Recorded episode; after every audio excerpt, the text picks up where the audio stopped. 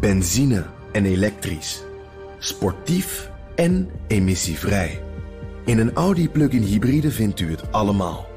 Ervaar de A6, Q5, Q7 en Q8 standaard met quattro vierwielaandrijving.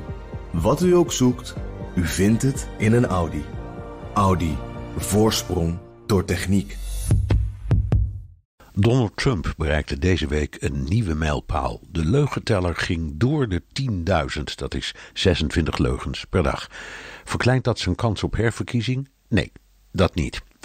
De meest bizarre leugen declameerde hij in een verkiezingstoespraak. Vrouwen die net zijn bevallen, zei hij, krijgen de keus: de baby houden of laten doden. Ik citeer: De baby is geboren, de moeder ontmoet de dokter, ze zorgen voor de baby, wikkelen de baby prachtig in en dan bepalen de dokter en de moeder of ze de baby executeren of niet. Einde citaat.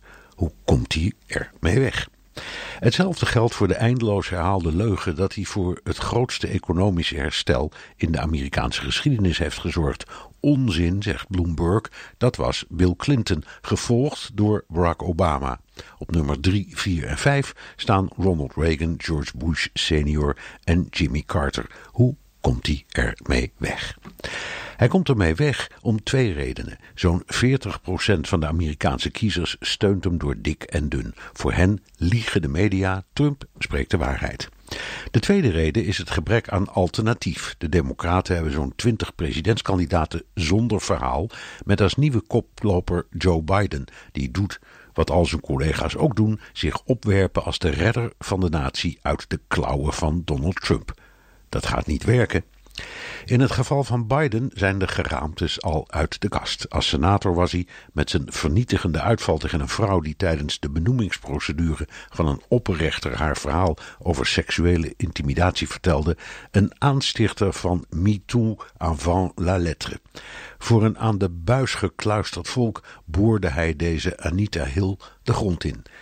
Dertig jaar geleden moest hij zijn eerste presidentscampagne stoppen door het uitspreken van één zinnetje. Waarom is Joe Biden de eerste in duizend generaties die naar de universiteit ging? Het was een gestolen tekst van de Britse Labour-leider Neil Kinnock. Bye bye Biden. Nu kun je zeggen, nou en, Donald Trump is een opgeklommen vastgoedjongen uit Queens die de hele wereld bij elkaar liegt. Dus kom op zeg, mag Joe Biden ook een beetje uit de bocht zijn gevlogen? Nee, want Joe Biden speelt het traditionele spel van al zijn rivalen. Roem vergaren met een tirade tegen Trump en filosofische vergezichten over het paradijselijke Amerika uit de fantasie van zweverige dromers. Daar koop je als blanke arbeider met dikke buik en America First petje op geen hamburger voor. Laat staan een biertje. En die aperte leugens dan? Ach, een kniezoor die daarop let. Benzine en elektrisch. Sportief en emissievrij. In een Audi plug-in hybride vindt u het allemaal.